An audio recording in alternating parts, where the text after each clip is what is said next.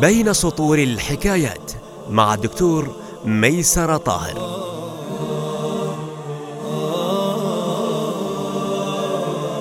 هذه الحكاية بعنوان العكاز الغليظ. لا زلت أذكر شتاء نجد بعد كل هذه السنين التي مرت ولا زلت أذكر الريح الباردة دائما والشديدة في بعض الأحيان. والطريق من الدار إلى المسجد مظلمة وقصيرة ولا تحتاج لأكثر من دقيقتين أو ثلاثة على أبعد تقدير. ومنذ أربعين عاما كان مسجد القرية مبني من الطين شأنه شأن منازل القرية القليلة. كنت وأنا أحث الخطى لصلاة الفجر. أجدني أعانق نفسي علي أبعد البرد عن أجزائي. وفي كل فجر أدعو بالخير لمن فكر في بناء هذا الجزء من المسجد القابع تحت الأرض والذي ليس به إلا فتحة واحدة للدخول والخروج. ومع أن النزول كان يذكرني بوحشة القبر إلا أنه في الوقت نفسه يشعرني بالدفء والأمن. سمعت صوت سعاله المميز قبل أن أهم بالنزول فقد سبقني اليوم. أمسكت بيده فعرفني من لمسة يدي واستأذنته في أن أكون أمامه فقال مداعبا دعني مرة أكون أمامك فقد نتدحرج معا. تبسمنا وأتممنا النزول.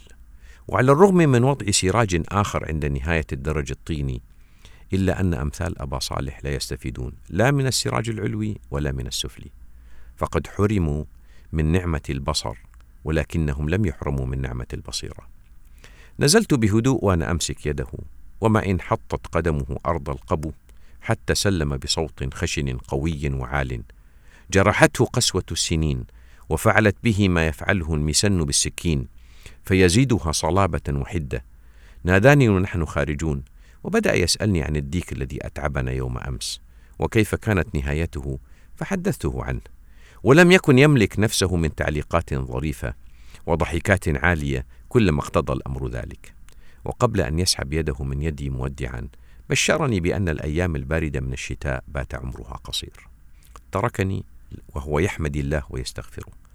وتكاد تسمع عباراته بيوت القرية الصغيرة الوادعة التي بدأت الحياة تدب في جنباتها حيث يتهيأ أطفالها للذهاب إلى مدرستهم.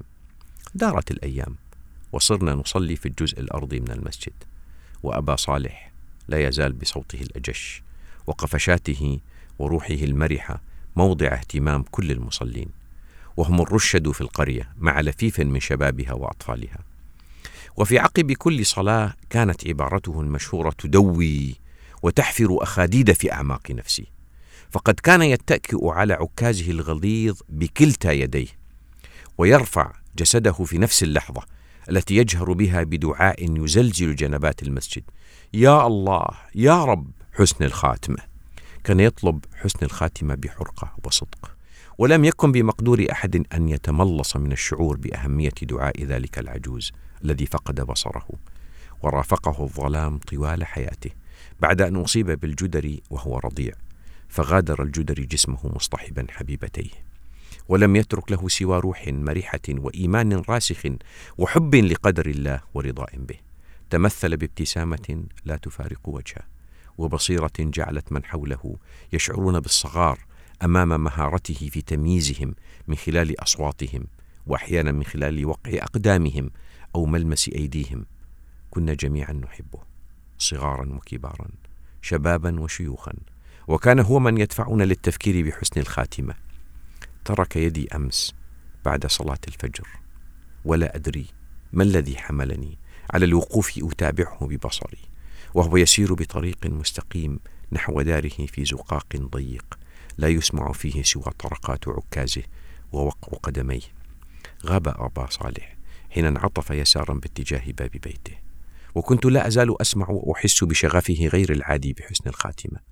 غاب ولم نراه في بقية الصلوات.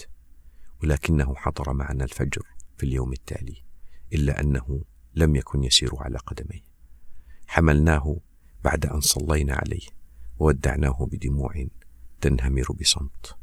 ونحن ندعو له ولأنفسنا بما كان يتمناه طوال حياته بحسن الخاتمة. بين سطور الحكايات إعداد وتقديم دكتور ميسر طاهر الهندسة الصوتية محسن الطرزي. هذا البرنامج بالتعاون مع جمعية وئام للرعاية الأسرية بالمنطقة الشرقية. زورونا على وئام.org.sa